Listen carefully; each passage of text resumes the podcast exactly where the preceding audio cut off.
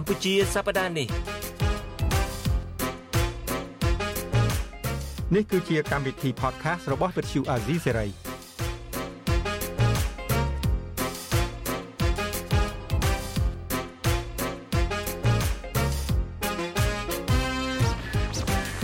បាទលោកនាងកញ្ញាជាទីមេត្រីខ្ញុំបាទជួនចិត្តបុតសូមស្វាគមន៍លោកនាងកញ្ញានៅក្នុងកម្មវិធីកម្ពុជាសប្តាហ៍នេះខ្ញុំបាទសំពូលីក៏សូមជម្រាបសួរមិត្តអ្នកស្ដាប់ទាំងអស់ដែរបាទ បាទហើយថ្ងៃនេះយើងមានវាគ្មិនកិត្តិយសមួយរូបរបស់យើងជាប់ពីទីក្រុងភ្នំពេញនោះគឺជាអតីតសកម្មជនរបស់អង្គការមេដាធម្មជាតិគឺកញ្ញាគឹមសួរឬមួយហៅថាជីជីជំរាបសួរជីជីចាជំរាបសួរលពូបាទ ថ្ងៃនេះមានកិត្តិយសណាស់ដែលបានមកជួបជីជីជាថ្មីម្ដងទៀតហើយពូលីការដែលយើងជួបជីជីនេះពីព្រោះយើងបានដឹងថាគឺជីជីឬគឹមសួរនឹងហើយដែលបន្ទាប់ពីការលោកនាយករដ្ឋមន្ត្រីឪពុករបស់លោកនាយករដ្ឋមន្ត្រីថ្មីហ៊ុនម៉ាណែតនឹងបានចូលរួមនៅមហាសន្និបាតរបស់អង្គការសហប្រជាជាតិនេះ អឺហើយស្រាប់តែថ្ងៃនោះនឹងឪពុករបស់គាត់នឹងបានបង្ហោះអឺវីដេអូមួយ បាទបាទបង្អស់វីដេអូមួយហើយគាត់អមនឹងអាវីដេអូនោះបានបង្ហាញអំពីរូបភាពរបស់លោកហ៊ុនម៉ាណែតនឹងត្រូវគេយកទៅបង្ហោះនៅផ្ទាំងផ្សាយពាណិជ្ជកម្មដ៏ធំមួយ នៅកណ្ដាលក្រុងញូវយ៉កនៅតំបន់ Times Square នឹងហើយលោកនាយករដ្ឋមន្ត្រីហ៊ុនសែនថែមទាំងបានសរសេរថានេះគឺជាការស្វាគមន៍កូនរបស់គាត់ដោយសហរដ្ឋអាមេរិក ហើយបន្ទាប់ពីនឹងដោយដោយប្រជាពលរដ្ឋខ្មែរយើងរស់នៅសហរដ្ឋអាមេរិកឬក៏ដោយសហរដ្ឋអាមេរិកមិនជានិយាយច្បាស់ថាដោយខ្មែរយើងសហគមន៍ខ្មែរយើងនៅអាមេរិកឬមួយសហរដ្ឋអាមេរិកទេគាត់គ្រាន់តែបញ្ជាក់ថា ការស្វាគមន៍កូនរបស់គាត់នៅលើទឹកដីសហរដ្ឋអាមេរិកបាទបន្ទាប់ពីផ្សាយនឹងមកខ្ញុំពូក៏ឃើញជីជីនឹងបានបង្ហោះសារមួយថាក្មួយទៅតាក់ទងដល់ក្រុមហ៊ុន ដែលទទួលបន្ទុកផ្សាយពាណិជ្ជកម្មនៅ Times Square ហ្នឹងហើយគេឆ្លើយបដិសេធថាគេមិនដែលចុះផ្សាយអីឲ្យហ៊ុនម៉ាណែតទេ មិនចឹងឯងក្មួយចាពូចាបាទរឿងហ្នឹងមិនទៅហេតុអីក៏ត្រូវថាត្រូវការអ្នកនៅស្រុកខ្មែរ GG នឹងត្រូវទៅតាក់ទងក្រុមហ៊ុននៅ Times Square នឹងហើយសួរថាតើ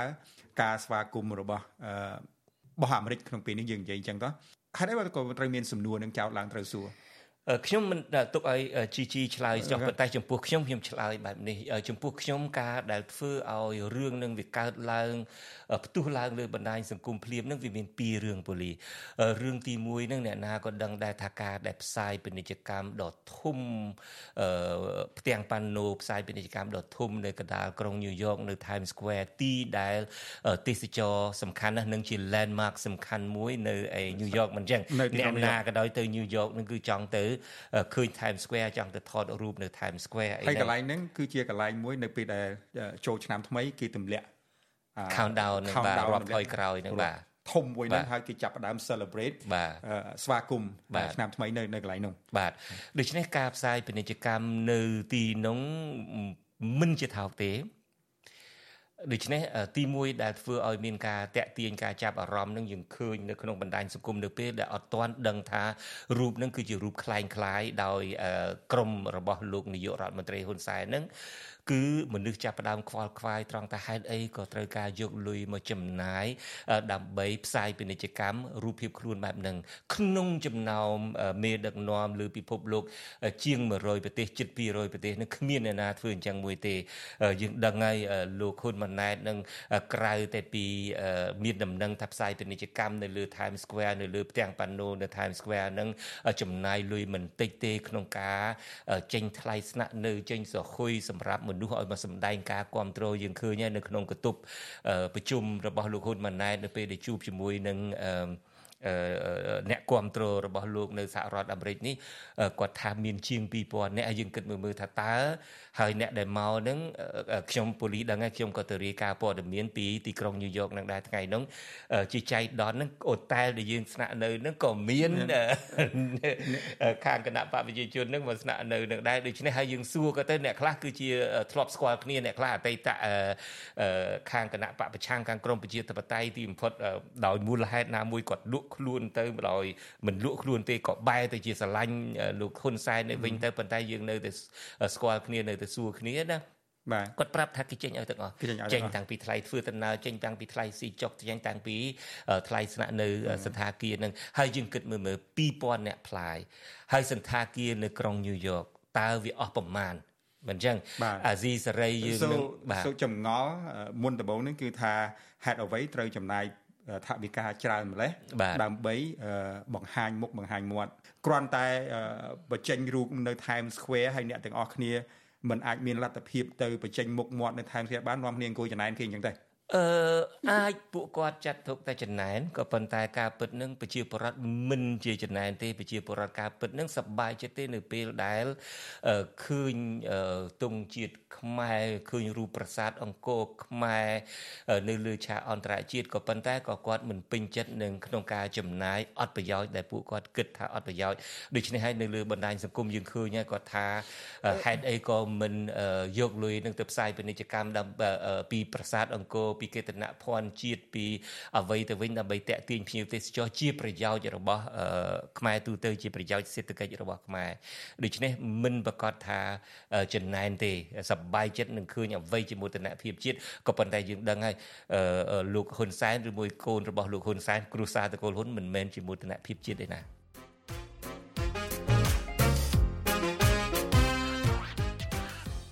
អូខេអញ្ចឹងជីជីការទុកមិនសុខចិត្តអីបានទៅឆ្កឹះឆ្កៀលស្រាវជ្រាវតាក់ទងក្រុមហ៊ុនថានៅ Times Square នឹងហើយនៅស្រុកខ្មែរសោះនឹងមកឈឺចាប់អីសម្រាប់មេលោកនិយាយទៅនិយាយពីចំណាប់អារម្មណ៍ពីដំបូងហ្នឹង ធម្មតាទេយើងជាយុវជនខ្មែរយើងជាប្រជាពលរដ្ឋខ្មែរមួយរូបហើយអាចថាมันជាមានចំណេះដឹងអីច្រើនហ្មងទេតែគ្រាន់តែឃើញអញ្ចឹងមានអារម្មណ៍ថាខ្មាស់គេខ្ញុំឃើញទេខ្មាស់គេតាមិនមានមោទនភាពអីណាហេតុអីខ្មាស់គេដោយសារយករូបហ៊ុនសែហ៊ុនម៉ាណែតនឹងទៅដាក់ចិត្តខោស្លីបចិត្តអីហ្នឹងយ៉ាងម៉េចចាលពូឥឡូវយើងនិយាយពីចំណាប់អារម្មណ៍ពីដំបូងវិញដោយសារតែអឺ តាមដែលខ្ញុំដឹងកម្មវិធីនៃការប្រជុំរបស់គាត់ដែលគាត់ទៅហ្នឹងគឺគឺជាការប្រជុំបែបលក្ខណៈរាយការណ៍អំពីបញ្ហានៅប្រទេសខ្មែរអញ្ចឹងការប្រជុំរបស់គាត់នេះគឺទៅប្រជុំនៅអង្គការសហជីវជាតិទេ វាមិនមែនជាការប្រជុំបែបលក្ខណៈខ្នាតធំទៅជួបជាមួយនឹងប្រធានាធិបតីអីគឺមិនមែនទេគោលបំណងរបស់គាត់ในការទៅប្រជុំហ្នឹងគឺការជួបជាមួយនឹងអង្គការអន្តរជាតិដើម្បីរាយការណ៍អំពីស្ថានភាពនៅក្នុងប្រទេសកម្ពុជា ហើយមួយទៀតហ្នឹងគឺទម្លាប់របស់ប្រទេសមហាអំណាចធ្វើគឺគេមិនដែលមានអារបៀបថាស្វាគមន៍ដោយការចាក់រូបភាពរបស់តំណាងប្រទេសមួយមួយអីចឹងនៅលើអាផ្ទាំង billboard ហ្នឹងទេហើយដែលធ្វើឲ្យយើងមានអារម្មណ៍មួយថាអឺខ្ញុំចង់បង្ហាញការពិតនិយាយរួមទៅគឺចង់បង្ហាញការពិតនៅពេលដែលឃើញលោកឪពុករបស់នាយករដ្ឋមន្ត្រីយើងហ្នឹង គាត់ផុសភ្លាមគឺគាត់អត់បានបញ្ជាក់ដោយលោកពូអឺពូបុតគាត់បានលើកឡើងអញ្ចឹងគាត់ទៅសេហ្នឹងគឺអត់មានបានបញ្ជាក់ថាតើអ្នកណាជាអ្នកស្វាគមន៍ទេប៉ុន្តែនៅពេលដែលគាត់ទៅសេសម្ដីបែបហ្នឹងគឺវាធ្វើឲ្យប្រជាពលរដ្ឋដែលគាត់អត់បានដឹងគាត់យល់ច្រឡំថាអូអាមេរិកគេស្វាគមន៍អឺនាយករដ្ឋមន្ត្រីថ្មីយើងដល់ម្លឹងហីប៉ុន្តែគេស្ដែងគេអត់បានធ្វើអញ្ចឹងទេហើយគណៈពេលនោះទៀតគឺគាត់បានទៅរាយការណ៍អំពីស្ថានភាពនៅក្នុងប្រទេសខ្មែរហ្នឹងគឺខុសការពិតទៅទៀតអញ្ចឹងគឺគាត់រឿងពីរដែលគាត់ធ្វើហ្នឹងគឺគាត់ចង់បង្ហាញទាំងបិទបាំងអាភាពអាក្រក់ដែលគាត់បានធ្វើនៅក្នុងប្រទេសខ្មែរណាហើយចង់ធ្វើឲ្យប្រជាជនមើលឃើញថាអូគាត់មានកិត្តិយសណាស់មានគេស្វាគមន៍គាត់មានគេស្រឡាញ់គាត់អីចឹងទៅសហរដ្ឋអាមេរិកផ្ដល់កិត្តិយសឲ្យគាត់ដែលគាត់ជានាយករដ្ឋមន្ត្រីថ្មីប៉ុន្តែជាក់ស្ដែងវាមិនមែនជាការពិតគ្រប់យ៉ាងគាត់ធ្វើនឹងគឺគាត់ចង់បង្អួតតិចដែលខ្ញុំតែងតែឲ្យឥឡូវខ្ញុំឲ្យឈ្មោះគាត់ថ្មីខ្ញុំដាក់ឈ្មោះគាត់ថានាយករដ្ឋមន្ត្រីបកែអួត ពួកអីគាត់អួតនោះអួតហ្មងចាអួតនឹងដឹងថាប្រហែលជាអាចទៀតក្រោយទៀតក៏មិនដឹងដែរហើយហើយអួតនឹងបោកនឹងខុសគ្នាយ៉ាងម៉េចទៅជីជីចំពោះពូបើសិនតែមិននិយាយចំពោះពូបើសិននិយាយមិនមិននិយាយការពិតហើយពន្លឹះការពិតអានឹងបោកហើយចំពោះពូថាបោកហ្នឹងចាខ្ញុំបោកនឹងឯងពូកំពុងមកបោកនឹងឯងមកបោកមកអួតបោកទាំងឪបោកទាំងកូន ចា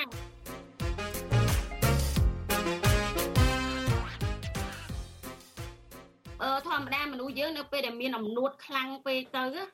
អញ្ចឹងធ្វើឲ្យគេដឹងធ្វើឲ្យគេដឹងថាខ្លួនឯងអស់ចាខ្លួនឯងប្រកែអញ្ចឹងត្រូវរករកទំនុកបែបម៉េចឲ្យគេដឹងមើលឃើញថាយើងប្រកែមើលឃើញថាយើងអស់ចាអញ្ចឹងទៅវាឈានចូលទៅដល់ការបោកប្រាស់ហ្នឹងដើម្បីអាចទទួលបានអាមុខមាត់ទាំងអស់ហ្នឹងអញ្ចឹងណាចឹងបន្ទាប់ពីពេលដែលខ្ញុំឃើញគាត់ខុសភ្លាមហ្នឹង ការទុកមិនសុខចិត្តទេអឺអត់ចង់ខមមិនទេព្រោះអីគាត់ថាខមមិនទៅក៏គ្មានប្រយោជន៍ដែរព្រោះគាត់មិនដែលមើលខមមិនយើងផងហ្នឹងខ្ញុំក៏ screenshot ហើយក៏បានសរសេរនៅក្នុង account Facebook ខ្ញុំផ្ទាល់ថាពេលហ្នឹងគឺខ្ញុំអត់ទាន់បានផ្ញើសារទៅខាង Billboard ទេគឺសរសេរពាក្យពេចន៍មួយចំនួនដែលបង្ហាញថាខ្ញុំអត់ជឿទេការដែលគាត់បង្ហាញបែបហ្នឹងព្រោះដោយសារតែ ទោះមិនក៏ដោយក៏ខ្ញុំធ្លាប់បានទស្សនកិច្ចនៅតំបន់ទោះអត់ដែរបានទៅអាមេរិកប៉ុន្តែធ្លាប់បានទៅតំបន់ល្បីល្បីមួយចំនួនដូចនៅអឺប៉ារីសនៅកណ្ដាលទីក្រុងនៅអីអញ្ចឹងណាក៏មាន Times Square មានអីនៅក្នុងដែរក៏មាន Billboard ដែរហើយបើតាមដែលខ្ញុំដឹងហ្នឹងគឺថាកន្លែងទាំងអស់ហ្នឹងគឺជាកន្លែងពាណិជ្ជកម្មធំធំគេអត់ឲ្យមានរឿងនយោបាយអីពាក់ព័ន្ធដូចនៅស្រុកខ្មែរយើងចេះតែប្រចាំងរូបប្រចាំង slide អីតែប្រដេតតែផ្ដាបានទេអញ្ចឹងក៏នឹកឃើញថាឥឡូវសាកផ្ញើអ៊ីមែលទៅខាងអឺ Times Square ហ្នឹងមើលគេលោកគេឆ្លើយតបចាលេងទៅក៏គេឆ្លើយតបមែនអឺខ្ញុំផ្ញើទៅពីរដងលើកទី1គឺគេអត់ឆ្លើយទេលើកទី2លើកទី2នៅពេលដែលអឺលោកនាយករដ្ឋមន្ត្រីគាត់ផុសអរគុណនៅពេលដែលយុប្រតិកម្មខ្លាំងណាលោកហ៊ុនម៉ាណែតគាត់បានផុសអរគុណទៅ David Sot ហ្នឹងហ្នឹងហើយគាត់ចង់បញ្ជាក់កាត់កាត់ជីជីបន្តិចចង់បញ្ជាក់ប្រាប់លោកអ្នកស្ដាប់ហើយបញ្ជាក់ប្រាប់ពូលីបើសិនជាពូលីរវល់មិនសូវបានមើល Facebook ទេហ្នឹង អឺបន្ទាប់ពីលោកនាយករដ្ឋមន្ត្រីហ៊ុនសែនឪពុកឪពុកបាទនាយករដ្ឋមន្ត្រីសុសែនឪពុកនឹងចុះផ្សាយថាគេស្វាគមន៍កូនគាត់នៅលើទឹកដីអាមេរិកនឹងហើយបន្ទាប់ពីគេរិះគន់ទាំងឪពុកទាំងកូននឹងមកនាយករដ្ឋមន្ត្រីកូននេះនេះ ក៏ចេញសារមកថាមិនអស់លុយជាតិអីមករៀលទេ ការដែលបង្ហោះរូបនៅផ្ទាំងប៉ាណូនៅលើ Times Square ហ្នឹងគឺដោយសារតែមានខ្មែរម្នាក់ដែលស្រឡាញ់គាត់នឹងបដូរផ្ដាច់ណាស់ហើយធ្វើការនៅឯ Times Square កន្លែងផ្សាយពាណិជ្ជកម្មនឹងតែម្ដងឈ្មោះ David Sot អូខេនឹងគ្រាន់តែជាប្រវត្តិបន្តិចអញ្ជើញតទៀតចុះជីជីត្រឹមត្រូវពូអញ្ចឹងក៏គាត់បង្ហោះគាត់ក៏បានបង្ហោះរូបម្នាក់ David Sot នឹងមក ចឹងខ្ញុំក៏បាន screenshot ហើយក៏បាន copy អាពាក្យអីដែលគាត់និយាយហ្នឹងណាផ្ញើទៅផ្ញើ email ទៅគេម្ដងទៀតសួរគេបញ្ជាក់ម្ដងទៀតថា Davidson ហ្នឹងគឺពិតជាបុគ្គលិកនៅ Times Square ហ្នឹងមែនអត់ហើយអឺលោកនាយករដ្ឋមន្ត្រីអ្វីដែលនាយករដ្ឋមន្ត្រីខ្មែររៀបរាប់ហ្នឹងជាការពិតអត់គេក៏បានឆ្លើយតបមកវិញថាមិនមែនជាការពិតទេគេអត់ស្គាល់ Davidson នេះជានរណាទេហើយចំពោះប្រជាជនយើងភាគច្រើនគឺគាត់បារម្ភចំពោះការប្រើប្រាស់លុយខ្ជះខ្ជាយព្រោះអីដូច លោកពូច័ន្ទបុតគាត់លើកឡើងអញ្ចឹងអ្នកដែលអមដំណើរទៅជាមួយគាត់នឹងទៅដើរលេងអត់ប្រយោជន៍ចាយលុយអត់ប្រយោជន៍ហើយបូករួមជាមួយនឹងត្រូវចាយលុយអត់ប្រយោជន៍ទៅលើអាការផ្សព្វផ្សាយគាត់ទៀតណាពុកជាមួយនឹងបច្ចុប្បន្ននេះកំពុងតែមានបញ្ហាតាក់ទងនឹងការបងពុនសេដ្ឋកិច្ចប្រជាពលរដ្ឋគឺអត់ដើរទេអញ្ចឹងគឺគាត់យកអាលុយហ្នឹងទៅចំណាយទៅលើការអួតអំនួតរបស់គាត់ណាតែគាត់អត់បានខ្វល់ខ្វាយពីប្រជាជនអត់បានខ្វល់ខ្វាយពីសេដ្ឋកិច្ចប្រជាជនទេអញ្ចឹងអាហ្នឹង វាជាអ្វីដែលប្រជាជននៅស្រុកខ្មែរយើងកំពុងតែប្រតិកម្មហើយបូករួមជាមួយនឹងខ្ញុំមួយទៀតហ្នឹងគឺខ្ញុំប្រតិកម្មឲ្យរឿងដែលគាត់ចាយលុយខ្ជះខ្ជាយហ្នឹងជារឿងមួយខ្ញុំចង់ដឹងថាតើគាត់ចំណាយលុយអស់ប៉ុណ្ណាដើម្បីធ្វើការផ្សព្វផ្សាយខ្លួនឯងហ្នឹងទី2គឺតកតងមួយបញ្ហាប្រទេសជាតិមុខមាត់ប្រទេសជាតិក្នុងនាមជានាយករដ្ឋមន្ត្រីមិនមែនតូចទេណាឥឡូវហ្នឹងមានងារឡើង3 4ទៀតហើយទៅធ្វើរឿងដែលរបៀបថាលេងសើចហ្មងរឿងដែលអត់ប្រយោជន៍មែនតើហ្មងណា ធ្វើរឿងដែលអត់មានប្រយោជន៍អីដល់ជាតិអីមិនតិចអញ្ចឹងខ្ញុំគិតថាវាគួរតែយើងនិយាយដើម្បីឲ្យគាត់ហ្នឹងអាចគិតទៅដល់រឿងធំធំដែលជាប្រយោជន៍ជាតិប្រសើរជាងយកអារឿងហ្នឹងយកមកនិយាយហើយមួយទៀតហ្នឹងគឺចង់ដាស់ស្មារតីប្រជាពលរដ្ឋនិងយុវជនយើងផងថាគ្រប់យ៉ាងកន្លងមកគឺគេបោកប្រាស់មានអាហ្នឹងអាហ្នឹងជារឿងតូចមួយដែលយើងគិតថាជារឿងតូចមួយគាត់បោកប្រាស់យើងចុះទម្រាំតែរឿងធំធំផ្សេងផ្សេងទៀតតែគាត់បោកប្រាស់យើងប៉ុណ្ណាទៅ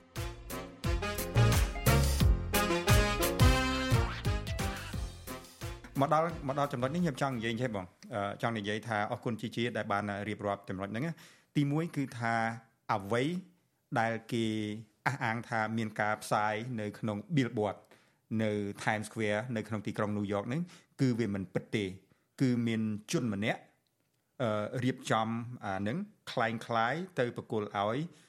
លោកឪពុករបស់លោកនាយករដ្ឋមន្ត្រីរបស់យើងបច្ចុប្បន្នហ្នឹងលោកជឿភ្លាម លោកយកទៅផ្សាយជូនប្រជាពលរដ្ឋភ្លួនភ្លាមបាទអឺខ្ញុំគិតថាកម្មហ៎បងមានន័យថាគាត់ដើរបោកគេគេបោកគាត់វិញទៅហើយខ្ញុំក្នុងពេលជាមួយគ្នានឹងក៏ខ្ញុំគាំគាំទ្រសម្ដីជីជីដែរណាអានឹងរឿងដែលយើងដឹងបោកនឹងវាអត់ប៉ះពាល់ដល់អាយុជីវិត ដល់មនុស្សដទៃទៀតដែលដែលដែលកំពុងរស់នៅក្នុងប្រទេសកម្ពុជាបច្ចុប្បន្នណាកន្លងមកហ្នឹងយើងឃើញមានការចោទប្រកាន់អីសម្បើមណាចាប់មនុស្សដាក់គុកដាក់អីហ្នឹងគឺសារដោយសារតែមានការចំណែននិន្ទាឈ្នាននេះគ្នាកលៃរឿងចាប់គេដាក់គុកដាក់ច្បាប់ហ្នឹងពេញមួយប្រទេសណា so អាការបោកប្រាស់ហ្នឹងអាចមានគ្រោះថ្នាក់មែនទែនហើយខ្ញុំព្រួយបារម្ភណាស់រឿងហ្នឹងអាណិតអាណិតអាជីជីណាដែលកំពុងតែរស់នៅក្នុងប្រទេសកម្ពុជាមិនទៅមានមិន ទ្រាំចឹងទៅថ្ងៃមួយថ្ងៃវេទនាអារម្មណ៍ទាំងមកតែមិនដឹងធ្វើម៉េចបើយើងកើតនៅស្រុកហ្នឹងណែចង់ចេញពីហ្នឹងក៏ពិបាកដែរបាច់ទៅថ្ងៃតែពាក្យថាវេទនាអារម្មណ៍ហ្នឹងអាជីជីវេទនាអារម្មណ៍ហ្នឹងពូហ្នឹងក៏វេទនាអារម្មណ៍មិនស្ទើរដែរពូនិយាយញឹកណាស់ហើយវេទនាអារម្មណ៍ត្រង់ថាវាជាការងាររបស់យើងក្នុងការតាមដាន Facebook តើអានិន្នាការនៅលើ Facebook នឹងវាបែបណា ការងាររបស់យើងគឺទ្រាំស្ដាប់សម្ដីដ៏អសុរោះរបស់នាយករដ្ឋមន្ត្រីឪឥឡូវនេះស្ដាប់សម្ដីអួតអាងដោយជីជីលើកចឹងអួតអាងរបស់នាយករដ្ឋមន្ត្រីកូនឧទាហរណ៍ម្សិលមិញនេះគាត់ចាប់ផ្ដើមនិយាយពេញណាពេញន័យទៅគាត់ទៅនេះគឺថានៅពេលដែលគេបង្អាប់គាត់ថាគេគ្រប់គ្នាមេដឹកនាំគ្រប់គ្នាទៅជួបអ្នកនេះទៅជួបអ្នកនោះណាតាំងពីអឺ Bill Gates តាំងពីប្រធានម្ចាស់ក្រុមហ៊ុន Tesla អីជាដើមហ្នឹងគាត់ចាប់ផ្ដើមអួតអងធូតាមពិតនឹងគាត់ជួបដែរហ្នឹងគាត់ជួប50គាត់ជួប60អីចឹងទៅប៉ុន្តែជួបនឹងបានលទ្ធផលអីខ្លះខ្ញុំឮថានាយករដ្ឋមន្ត្រីថ្មីរបស់ថៃនឹងជួបឲ្យត្រឡប់ទៅវិញបាន500លានអីណាការបណ្ដាក់ទុនពីក្រុមហ៊ុនពីសហរដ្ឋអាមេរិកទៅហើយយើងបានប្រហែល18លានដែលគេដកចេញហើយហើយគេឲ្យវិញ តាមពិតនឹងយើងជឿយើងជឿថាគាត់ប្រកាសជាជួប50 60អីមែននៅពេលដែលមានកិច្ចប្រជុំអីអញ្ចឹងណាប៉ុន្តែជួបដើម្បីបានការបាទជួបដើម្បីបានការគឺមិនបានការអីទេមកវិញនឹងបាន8ដល់10លានដែលគេជួយដល់ប្រជាពលរដ្ឋខ្មែរតែអញ្ចឹងមិនមែនជួបនេះជួបអ្នកដែលគាត់ជួលមកពីស្រុកខ្មែរនៅហូថេលជាង2000នាក់បាទអាហ្នឹងហើយដែលគេរិះគន់គាត់បាទ អូខេស្កាត់ជីជីបន្តិចថ្ងៃនេះដូចជួនិយាយមានភ្ញៀវហៅភ្ញៀវមកហើយពីរអ្នកនឹងដណ្ដើមមកជីជីនិយាយទៅលោកនិយាយបាទដណ្ដើមគេនិយាយទៅលោកជីជីនិយាយដល់ស្ដាប់ជីជីនិយាយដល់ភ្ញៀវមកភ្ញៀវគាត់ស្ដាប់ខ្ញុំនិយាយពេលពូនិយាយតាក់តងចាំឲ្យរឿងលុយជំនួយហ្នឹងខ្ញុំនឹកឃើញអាលុយដល់8លានហ្នឹងអាកន្លែងហ្នឹងក៏គាត់បោកដែរគាត់អត់ព្រមនិយាយឲ្យច្បាស់ទេហើយសូម្បីតែខ្ញុំហ្នឹងក៏ខ្ញុំចាញ់បោកគាត់ដែរពីខ្ញុំឆ្ងល់ថា ហេតុអីបានទីគេត្រូវឲ្យលុយ8 10លានហ្នឹងព្រោះអីគេកំពុងតែដាក់សម្ពាធគ្រប់សពបែបយ៉ាងហើយខ្ញុំជឿថា8 10លានហ្នឹងនៅសុកសុកគេឲ្យគាត់ទេចឹងប្រហែលជាមានអីឯងបានគេឲ្យដល់ពេលអឺរោចុះរោឡើងមិនដឹងថាអូ8 10លានហ្នឹងគាត់ឲ្យទៅយូសេតតាអា8 10លានហ្នឹងគឺជាលុយដែលអង្គការ USAID នេះគេប្រើរាល់ឆ្នាំហ្នឹងថវិកាប្រចាំឆ្នាំគឺសហរដ្ឋអាមេរិកបាទចាគេឲ្យទៅប្រចាំឆ្នាំដែ រហើយឆ្នាំណាក៏បានខ្លាចជារឿងធម្មតាហ្នឹងថាលុយហ្នឹងគេឲ្យមកគឺសម្រាប់ឲ្យតែបើទុកតែជីជីឡើងធ្វើនាយករដ្ឋមន្ត្រីក៏គង់គេឲ្យ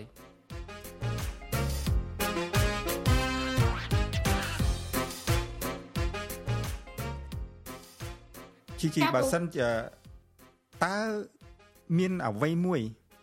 ដែលនាយករដ្ឋមន្ត្រីវ័យក្មេងនៃប្រទេសកម្ពុជានឹងអាចធ្វើឲ្យជីជីសប្បាយចិត្តក្នុងពេលនេះ ពីមុនមកគឺយើងរកឃើញ22ចំណុចដែលធ្វើឲ្យរដ្ឋាភិបាលខ្មែរហ្នឹងត្រូវតែផ្លាស់ប្ដូរប៉ុន្តែឥឡូវនេះវាលើសពី22ចំណុច22ករណីវាលើសនឹងទៀតតែឥឡូវខ្ញុំយកចំណុចមួយទៀតហ្នឹងដែលនិយាយរួមគឺកែប្រែសេដ្ឋកិច្ចនៅក្នុងស្រុកខ្មែរយើងហ្នឹងគឺកែប្រែឲ្យបញ្ឈប់ទំនាក់ទំនងយើងមិនអាចថាគាត់ត្រូវតែបញ្ឈប់ទំនាក់ទំនងជាមួយនឹងអឺប្រទេសចិនបានទេប៉ុន្តែគាត់គូកាត់បន្ថយកាត់បន្ថយទំនាក់ទំនងជាមួយនឹងប្រទេសចិនហើយងាកបែរមក អឺស្វែងរកវិនិយោគនៅក្នុងប្រទេសលោកខាងលិចដូចជាអឺរ៉ុបឬក៏ខាងអាមេរិកអីត្រឡប់មកវិញទៅអញ្ចឹងនៅពេលដែលគាត់ធ្វើរឿងទាំងអស់ហ្នឹងវាធ្វើឲ្យសេដ្ឋកិច្ចប្រទេសខ្មែរយើងដើរត្រឡប់មកវិញអាហ្នឹងគឺធ្វើឲ្យប្រជាជនរស់នៅស្រួលទោះវាមិន100%ក៏អាចរស់នៅស្រួលដែរអញ្ចឹងបើសិនជាគាត់អាចធ្វើរឿងតែពីរហ្នឹងសិនទៅបានអាហ្នឹងអូខេសម្រាប់ខ្ញុំគឺខ្ញុំអាចថាអូគាត់គឺជានាយករដ្ឋមន្ត្រីដែលចេះស្ដាប់សម្ដីរបស់យុវជនហើយ តែបើសិនជាគាត់នៅតែគិតថាអូពួកយើងនិយាយទៅគឺសិតជារឿងប្រឆាំងទេមិនមែនការពិតទេចោតប្រកាន់គាត់ទេអាហ្នឹងគាត់បន្តចឹងទៀតទៅខ្ញុំបន្តរិះគន់គាត់បន្តទៀតចឹងដែរទៅពណ៌អាអាពណ៌ស្អីគេនៅខាងក្រោយអា GG ហ្នឹងស្រួលហ្នឹងឲ្យន័យថាអ្នកធ្វើបដិវត្តពណ៌ឲ្យផងណាផ្ទះពីក្រៅ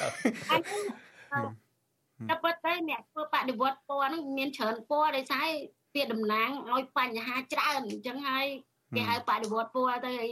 សម្រាប់រូប background នៅខាងក្រោយខ្ញុំហ្នឹងគ្រាន់តែ